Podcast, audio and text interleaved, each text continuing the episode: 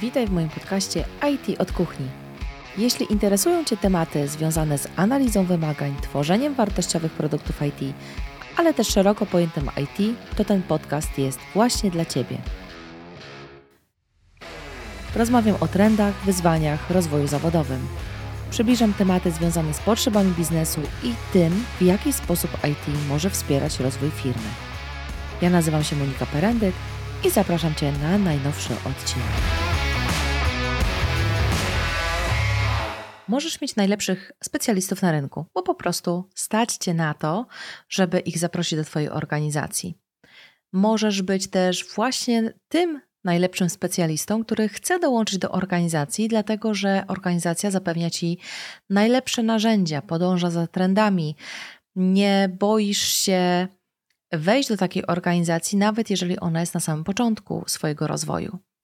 Natomiast jeżeli jesteś tym pracownikiem albo jesteś tym pracodawcą i nie stworzysz atmosfery budowania otwartej komunikacji w zespole, to nawet najlepsze narzędzia i ci specjaliści nie spowodują, że te projekty będą się udawać.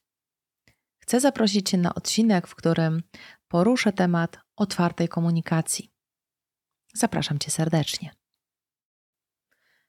Mówi się, że komunikacja polega nie na mówieniu, lecz na trafieniu do mówcy. Dlatego problem z komunikacją, a raczej wyzwanie, które z nią mamy, wynika z tego, że potrzebujemy się z drugą osobą skomunikować. Idąc tym tokiem rozumowania, możemy powiedzieć, że nie ma problemu ten, kto nie musi rozmawiać z drugim człowiekiem. Ale czy tylko z człowiekiem? Tak zastanówmy się przez sekundę. Mamy rok 2023, a to oznacza, że to jest taki rok, w którym wybuchła fascynacja OpenAIem. Wybuchła fascynacja tym, co za pomocą na przykład czatu GPT możemy uzyskać jako informację zwrotną.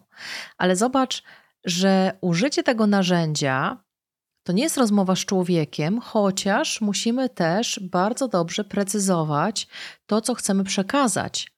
W przeciwnym wypadku możesz tak promptować do tego czatu, próbując się z nim dogadać, próbując jakby zmusić go niejako do e, tego, żeby mówiąc bardzo kolokwialnie, wypluł ci to, co chcesz uzyskać i orientuje się po trzech godzinach, że tak naprawdę chyba jednak sam coś wykonasz. Ale to nie wynika z tego, że ten chat GPT nie potrafi tego zrobić, tylko że to, w jaki sposób my formułujemy te pytania, wpływa na to, jaką odpowiedź uzyskujemy. I tak od razu mi się przypomina taka sytuacja, której byłam świadkiem dość niedawno. I trochę z uśmiechem na twarzy słuchałam, no bo trudno było nie słyszeć, będąc obok takich dylematów e, młodych ludzi. Od razu sobie przypominam siebie w tych latach młodzieńczych. Ale to było fascynujące ze względu właśnie na ten problem komunikacyjny. Siedzę sobie w kawiarni, popijając kawkę e, w drodze powrotnej do mojego domu ze szkolenia, które prowadziłam. Nomen omen właśnie między innymi z komunikacji. I była taka fascynująca rozmowa E, dwóch ludzi. Ona, taka widać e, zakochana e, w młodym człowieku, ale nie tym młodym człowieku, z którym rozmawiała, i on, przyjaciel tej dziewczyny, który próbował jakby powiedzieć, co ten jego kolega, jak się okazuje, mógł mieć na myśli wykonując jakąś czynność wobec tej dziewczyny. Chodziło o wysłanie SMS-a, takiego zwykłego, e, z pytaniem, jak się czujesz. No i oczywiście mm, e, ów dziewczyna rozkładała ten komunikat na czynniki pierwsze, zaczęła się zastanawiać, co ten komunikat może znaczyć, czy ten komunikat oznacza, że on darzy ją jakimś uczuciem. No, my z perspektywy teraz swojego wieku, no patrzymy trochę z rozrzewnieniem e, na taką sytuację i mówię, matko, czy nie można było by powiedzieć otwartym tekstem. I zobacz, że właśnie brak mówienia tym otwartym tekstem powoduje wiele komplikacji. Powoduje to, że druga osoba musi się domyślać, co my mieliśmy na myśli, a przecież nie o to chodzi. O ile łatwiej by nam się żyło w ogóle na związkach, gdybyśmy mówili otwarcie. No i o tej otwartości chcę Ci dzisiaj troszkę powiedzieć, bo o ile ta sytuacja, o której Ci powiedziałam przed chwilą, może y, wywołać uśmiech na Twojej twarzy, a może nawet przypomnienie, jak to było kiedyś, e, jak my byliśmy młodzi, e, nadal jesteśmy młodzi oczywiście, ale jak bardzo e, borykaliśmy się z tym brakiem otwartej komunikacji. No właśnie, pierwsze moje pytanie, które chcę Ci zadać e, w kontekście dochodzenia do tej otwartej komunikacji, to to, po czym Ty w ogóle poznajesz, że dobrze komunikujesz swoje oczekiwanie. Czyli masz jakieś oczekiwanie, które chcesz zakomunikować. E, teraz po czym poznajesz, że zadanie czy to oczekiwanie zostanie zrealizowane? Bardzo często my po wypowiedzeniu komunikatu, jakby kończymy komunikat, czyli nasza rola e, tutaj się skończyła i sobie tam idziemy, oczekując, że to zadanie zostanie zrobione poprawnie. Zobacz, jak wiele rozczarowań nas później czeka. Nie? My odchodzimy, ta osoba zostaje e, z tym komunikatem, który, z którym tą osobę pozostawiliśmy, i okazuje się, że ona kompletnie nie rozumie, co my od niej oczekujemy, czego od niej oczekujemy. No bo może jest tak, że sam w ogóle nie wiesz, czego oczekujesz. Zastanówmy się. Jeżeli delegujesz takie zadanie, nie? Zadanie, y, no, samo delegowanie zadania powoduje, że ty musisz dobrze to zadanie dookreślić. Czyli na przykład, jeżeli jesteśmy w rzeczywistości projektowej, możemy sobie wyobrazić taką sytuację, w której ja jako analityk deleguję zadanie wykonania, nie wiem, przygotowania procesu biznesowego dla danego zagadnienia.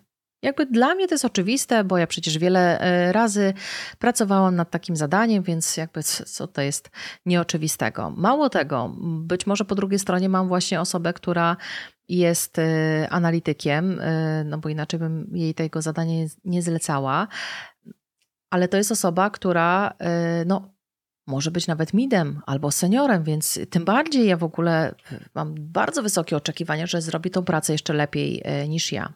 Po czym okazuje się, że ta osoba do tej pory nie miała do czynienia w ogóle z takim rodzajem zadania. Nie wchodzę tutaj dlaczego. I moje rozczarowanie jest bardzo duże. No bo po pierwsze, przecież ty powinnaś, ty powinieneś to wiedzieć. No to przecież to, co mi dostarczasz, jest nie do końca tym, czego ja oczekuję, tylko że delegowanie nie na tym polega. Delegowanie zadania polega na tym, że ty po pierwsze sam wiesz, czego oczekujesz, czyli sobie literalnie wypisz, po czym ja poznam, że to zadanie, które zlecam, jest poprawnie zakończone. Co ja muszę mieć na końcu? Jeżeli w przypadku tym, o którym mówię, mówię, czyli rysowania tego czy modelowania procesu biznesowego, Twoim oczekiwaniem nie jest opis słowno-muzyczny, który oczywiście zawiera wszystkie elementy procesu, ale jest to model stworzony w notacji BPMN, w konkretnym narzędziu, okraszony jakimiś elementami, które Ty wymagasz, no to to zdefiniuj. Nie? Delegowanie zadania polega na tym, że ty doskonale rozumiesz, czego oczekujesz, to znaczy ty delegujesz swoją odpowiedzialność. A skoro delegujesz swoją odpowiedzialność, to delegowanie zadania ma drugą stronę, o której się bardzo często zapomina. Delegowanie zadania polega na tym, że owszem, ty precyzyjnie definiujesz, po czym poznasz, że to zadanie jest zakończone, co ma być wynikiem tej pracy, jaki jest w ogóle cel wykonania tego zadania, ale to, co najważniejsze w delegowaniu, to jest to, że przyjmujesz bez komentarza wynik pracy takiej osoby. Na tym polega delegowanie. Czyli zobacz, mniej rozczarowań nas kosztuje sytuacja, w której faktycznie bardzo precyzyjnie, bardzo dobrze definiujemy zadanie. Po czym poznasz, że ktoś rozumie to, o czym mówisz? Ja bardzo często w projektach, e, szczególnie na końcu tych projektów, kiedy już pokazujemy klientowi wynik naszej pracy, mm, kiedy zespół jedzie i pokazuje, prezentuje, e, jest ten, ten moment, kiedy możemy zapytać klienta i powinniśmy pytać klienta, drogi kliencie, no jak ty to rozumiesz, powiedz jak zrozumiałeś sposób działania. Bardzo często to pytanie w ogóle nie wybrzmiewa. Bardzo często słyszę w zamian za to, po zadaniu pytania zespołowi, słuchajcie, no po czym poznaliście, że klient jakby rozumie to, co mu przekazaliście, nie? No i słyszę argumenty w stylu, no generalnie nie było pytań. No, jakby tak przytakiwał, nie? Sugestywnie przytakiwał. Owszem, może się zdarzyć taka sytuacja, że klient faktycznie wszystko rozumie, więc nie zadaje pytań, natomiast w dużej mierze niestety brak zadawania pytań nie jest gwarancją tego, że ktoś coś zrozumiał. To oznacza, e, że może dojść do takiej sytuacji, w której klient faktycznie czegoś nie rozumie, ale jest mu głupio zapytać. Zobacz, jeżeli to jest menadżer, który siedzi wśród swoich pracowników, którymi zarządza, ci pracownicy przytakują, no bo w ich głowach brzmi, no skoro jesteśmy tutaj na tym spotkaniu, mamy zmienić swój sposób pracy, e, a sposób pracy zmieniamy z uwagi na to, że ten menadżer nas zaprosił na to, na, do tego projektu, bo to jest jego inicjatywa. Skoro on przytakuje, no to my też przytakujemy, bo on na pewno wie o co chodzi. W tym samym czasie w głowie menadżera może się pojawić taki obrazek. Mhm, okej, okay. jest to prezentacja, nic nie kumam, co oni do mnie mówią, ale w sumie nie muszę kumać, dlatego że moi pracownicy będą wykorzystywać to oprogramowanie do swojej pracy, no bo w końcu y, taki był cel tego projektu, ale widzę, że oni przytakują, w związku z tym, no, chyba nie mają pytań, więc ja też przytaknę. Widzisz to? Ja to widzę i widzę tą katastrofę, która nadciąga za rogu. Dlatego ważne jest, żeby po wypowiedzeniu komunikatu skorzystać z odwróconej parafrazy. Powiedz mi, jak ty rozumiesz to, co właśnie do ciebie powiedziałam. Pokaż mi, jak według ciebie będzie to działać. Użyj tego sformułowania, a zobaczysz, jak spektakularne efekty na ciebie czekają.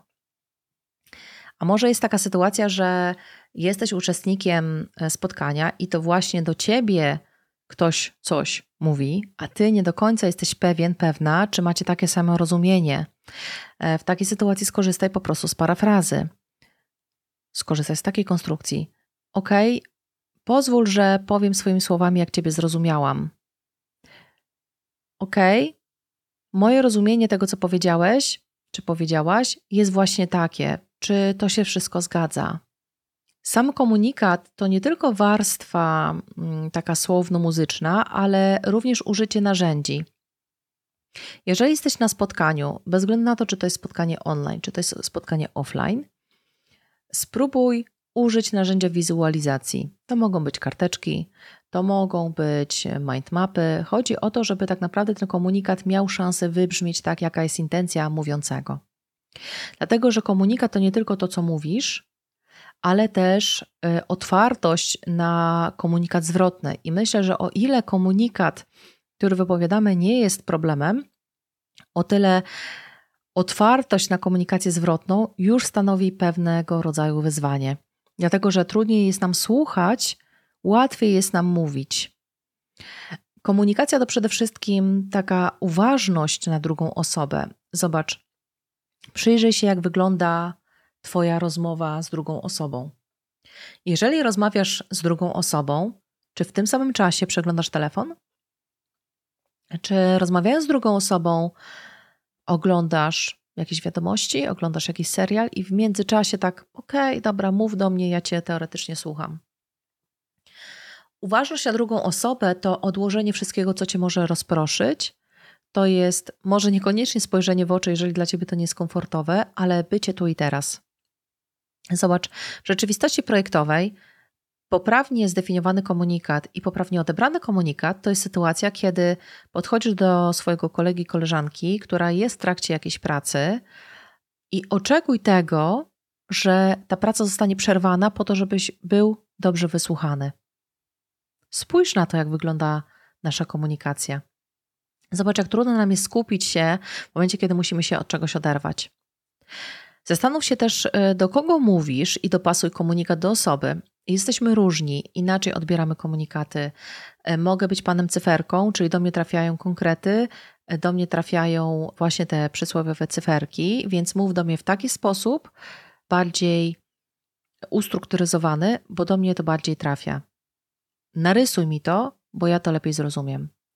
Ale możesz też być człowiekiem sercem, czyli mów do mnie emocjami, to znaczy mów do mnie, e, zanurzając mnie w ten proces. Czyli jeżeli chcesz pokazać klientowi, w jaki sposób pracuje z daną aplikacją, w jaki sposób będzie pracował daną aplikacją, i to jest człowiek, to serce, to powiedz mu, w jaki sposób on dokładnie będzie wykorzystywał to narzędzie w swojej pracy. Mów procesem biznesowym, w którym on uczestniczy.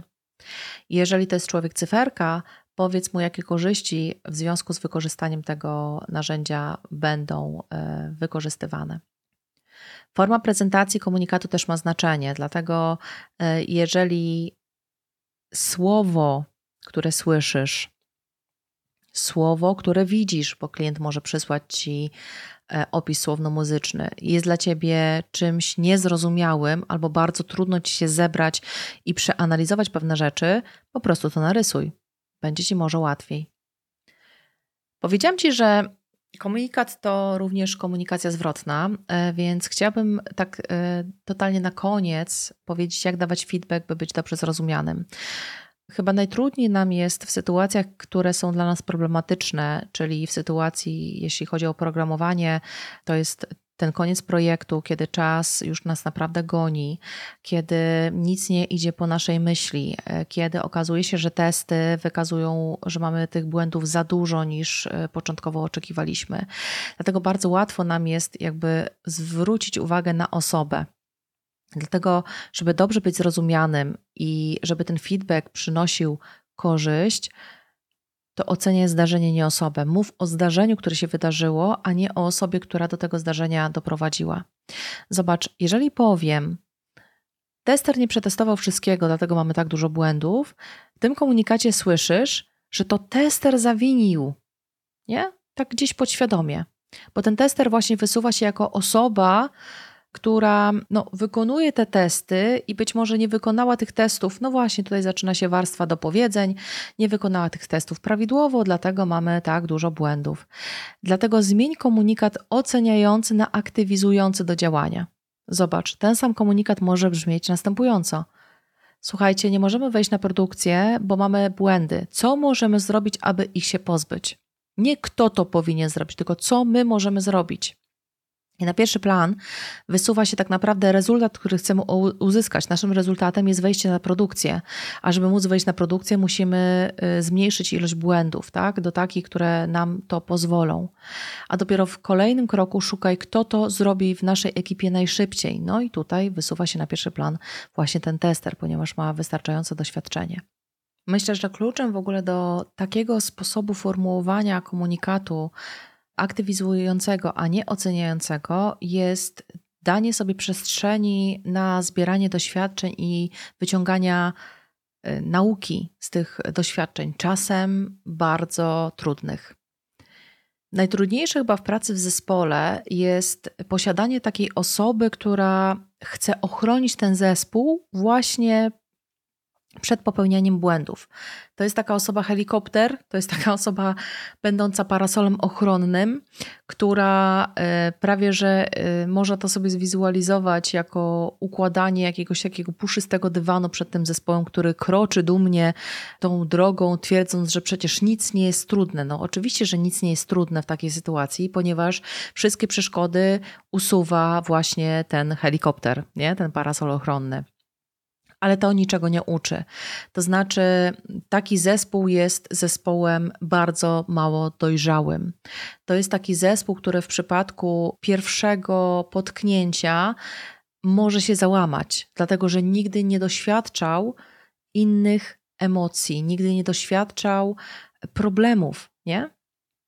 Dlatego daj zespołowi przestrzeń, Wybierz narzędzie, gdzie każdy z członków zespołu anonimowo na początku będzie mógł wpisać swoje pomysły, będzie mógł wpisać swoje sugestie, będzie miał przestrzeń do tego, żeby, użyję tego słowa, krytykować, ale w taki sposób dojrzały, krytykować i po, może trochę podważać sposób pracy, w którym właśnie uczestniczy, po to, żeby powiedzieć, że ten sposób pracy mi nie służy, ten sposób pracy powoduje, że mam więcej de facto pracy, że mm, sposób tworzenia dokumentacji, którą wybraliśmy dla tego projektu, jest nieadekwatny do korzyści, które z tego wyciągamy, tak? Czyli tutaj skupiamy się na odpowiednim doborze narzędzi, ale to jest potrzebne, żeby każdy członek zespołu miał poczucie, że ma prawo głosu i ma z tego prawa y, korzystać. Nie ma nic trudniejszego w pracy z takim zespołem, jeśli zespół tylko przytakuje, dlatego że to oznacza, że zespół ślepo wierzy y, w tego przewodnika. I to jest z jednej strony fajne, ale tylko wtedy, kiedy ten zespół jest dojrzały. To znaczy, to nie jest banda trzęsących się kurczaczków, jak ja to mówię, y, czyli banda trzęsących się kurczaczków to jest taka banda, która bardzo lubi procedury, bardzo lubi jak coś jej się narzuca, no bo ktoś wie lepiej. Super, ale ty cały czas będziesz w tej bandzie trzęsących się kurczaczków. Nigdy nie będziesz e, dążyć do tego, żeby wysłać tego jednego kurczaka emisariusza, który sprawdzi, co tam jest za rogiem, nie? Czy za rogiem nie ma, kurczę, bardziej zielonej trawy, do której można gdzieś tam się przysiąść, przyczłapać.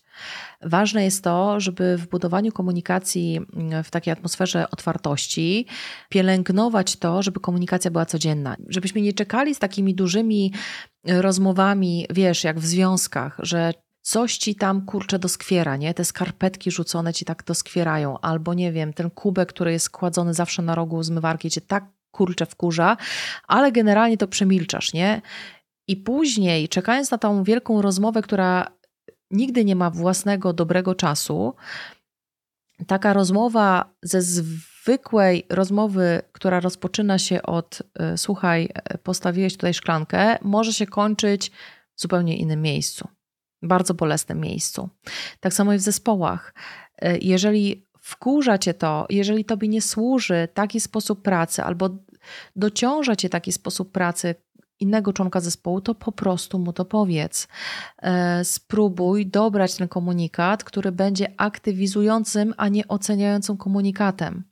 Nie? Czyli jeżeli jesteś e, członkiem zespołu, w którym to zespole znajduje się analityk i widzisz, że praca tego analityka nie służy tobie jako, e, nie wiem, programiście, programistce, to co dostarcza analityk nie jest tym, czego oczekujesz, to kurczę, proszę cię, nie czekaj miesiąc, nie czekaj jeszcze dłużej. Nie chciej przetestować, czy ktoś się domyśli. Słuchaj, praca w ogóle z drugim człowiekiem to nie jest praca na domyśl się, bo jeżeli ktoś się nie umie domyśleć albo nie ma takiej natury, to nigdy to nie nastąpi. Po prostu powiedz mu otwartym tekstem: Hej, Monika, słuchaj, dokument, który tworzysz, fajnie, że w ogóle dążymy do tego, żeby ten dokument powstał, ale może popracujmy nad tym, co w tym dokumencie powinno się znaleźć, żebyś po pierwsze ty się nie musiała napracować, a po drugie, żeby ten dokument tam służył. Zobacz, jak brzmi ten komunikat.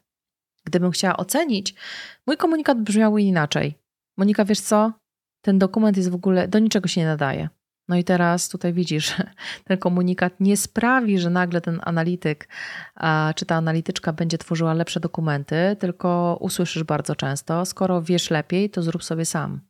I to jest właśnie przyczynek do tych nieporozumień, które przeradzają się później w kłótnie, które powodują, że bardzo dużo energii tracisz na wyprostowanie tego komunikatu. Jeżeli zdarzy ci się sytuacja, w której Twoje usta powiedziały szybciej niż pomyślała Twoja głowa, to nic nie stoi na przeszkodzie, żeby powiedzieć od razu: e, zaraz, stop, nie to miałam na myśli, chciałam powiedzieć coś innego. Przetestuj. Zobacz, że to fenomenalnie działa. Pamiętasz, na początku mówiłam Ci, że komunikacja to przede wszystkim to, w jaki sposób my odbieramy te komunikaty. To jest przede wszystkim też to, w jaki sposób my te komunikaty wymawiamy, tak? Kierujemy do drugiej osoby. Ale komunikacja to również zaufanie. Czyli ja chcę coś przekazać drugiej osobie, jeżeli tej osobie ufam. I myślę, że to bezpieczeństwo, o nim się bardzo mało mówi, chociaż teraz i tak troszkę więcej się na niego zwraca uwagę. Mówiąc w ogóle o komunikacji, która ma być codzienna, która ma być nastawiona na taką szczerość. Nie ma tej szczerości bez zaufania. Zaufanie w zespole jest kluczem do wszystkiego. Zaufanie w zespole to jest, y, jest kluczem do bycia produktywnym zespołem. Zaufanie jest kluczem do tego, że my nie mamy obawy przed komunikowaniem sobie nawet najtrudniejszych sytuacji. Mam do ciebie zaufanie, w związku z tym mogę ci spokojnie powiedzieć, że dzisiaj mam naprawdę kiepski dzień i dzisiaj, mimo moich szczerych chęci, nic więcej nie jestem w stanie zrobić. Żeby to zaufanie w ogóle zbudować, ważne jest to, żeby zwrócić uwagę na to, w jaki sposób my reagujemy na komunikaty, które otrzymujemy. Przypomnij sobie taką sytuację dla ciebie najbardziej chyba rozczarowującą, jeśli chodzi o sferę komunikatu. To może być Twoje życie już dorosłe, to może być Twoje życie młodzieńcze, może kontakt z rodzicem, kiedy zebrałeś się w sobie, zebrałaś się w sobie i przekazałaś dla ciebie może jakąś według ciebie wstydliwą informację, może według ciebie e, taką rzecz, która nie powinna mieć miejsca, cały czas mówię według ciebie. Coś, co jest dla ciebie bardzo ważne, i tak zbierasz się w sobie i mówisz tej drugiej osobie, przez ciebie wybranej. Jaka była jej reakcja? Jeżeli jej reakcja była bardzo otwarta, mówiąca: Słuchaj, okej, okay, fajnie, fajnie, że mi to powiedziałaś, fajnie, że mi to powiedziałeś. Jeżeli ten komunikat, mm, który wypowiadasz, e, faktycznie mm, Twoim oczekiwaniem było e, chęć uzyskania pomocy, to czy faktycznie tą pomoc uzyskałeś? Czy raczej postawa tej drugiej osoby była postawą oceniającą? Czyli, no nie spodziewałam się tego po tobie. Rozczarowałeś mnie, rozczarowałaś mnie. No myślałam, że jesteś na tyle dojrzałym programistą, jesteś na tyle dojrzałym zawodnikiem, że nie popełnisz takiego błędu. Zobacz, w pracy w projektach bardzo często seniorzy, wysocy midzi, im jest bardzo trudno przyznać się do błędu. Jeszcze jeżeli to jest taki błąd, wiecie, taki kurczę, na poziomie juniora, to przyznanie się to jest, tu jest ta bariera. Jak ja jako senior mogłam dopuścić do takiego błędu? Powiem Ci rzecz, która mam nadzieję Ci utkwi w głowie. Nikt nie jest bezbłędny. Nawet jeżeli masz 20 lat doświadczenia, masz prawo do popełnienia błędu. Ten błąd może wynikać z przyzwyczajenia. Ten błąd może wynikać z tego, że zakładasz pewne rzeczy. Ten błąd może wynikać z tego, że jesteś przeciążony pracą i po prostu popełniasz taki błąd. Więc jeżeli nie ma tego przyzwolenia na błędy, masz w zespole tego helikoptera, który osłania przed błędami i nagle się okazuje, że ty jako senior, po prostu guru wszystkich, e, nagle popełniasz taki błąd i ta postawa po ujawnieniu nawet tego błędu jest postawą oceniającą, tego zaufania nigdy nie będzie. Nie ma przepisu na to, jak się komunikować, dlatego że komunikacja jest to proces. Proces ciągłego doskonalenia komunikacji, dlatego że nie ma dwóch takich samych osób. Każdy z nas trochę inaczej odbiera komunikat, każdy z nas trochę inaczej komunikuje to, co chce powiedzieć. I największa trudność polega na tym, żeby skupić się na tej czarnej czcionce, którą słyszysz, a nie domyślać się, co pod tą czarną czcionką się znajduje. Otwartość w komunikacji, na którą chcecie zwrócić dzisiaj uwagę, to nie jest ocenianie, czy nie jest próba nawet wyobrażania sobie tego, co dana osoba może mi powiedzieć, lecz skupianie się na tym, co faktycznie do mnie mówi. Więc zachęcam Cię do przećwiczenia, do zwrócenia uwagi na to, jak Ty się komunikujesz, jak do Ciebie trafiają różne komunikaty. Odłóż telefon, skup się na tym, co chce dana osoba do Ciebie powiedzieć. Spróbuj naprawdę używać tej parafrazy, żeby sprawdzić, czy to, co słyszysz, jest tym, co słyszeć powinieneś. Dzięki, że poświęciłaś, poświęciłeś swój czas. Ten podcast powstał, aby dzielić się wiedzą i doświadczeniem. Mam nadzieję, że ten odcinek dotrze do wielu osób, więc udostępnij go i podziel się dobrym z innymi. Trzymam kciuki za Twój rozwój. Ciao.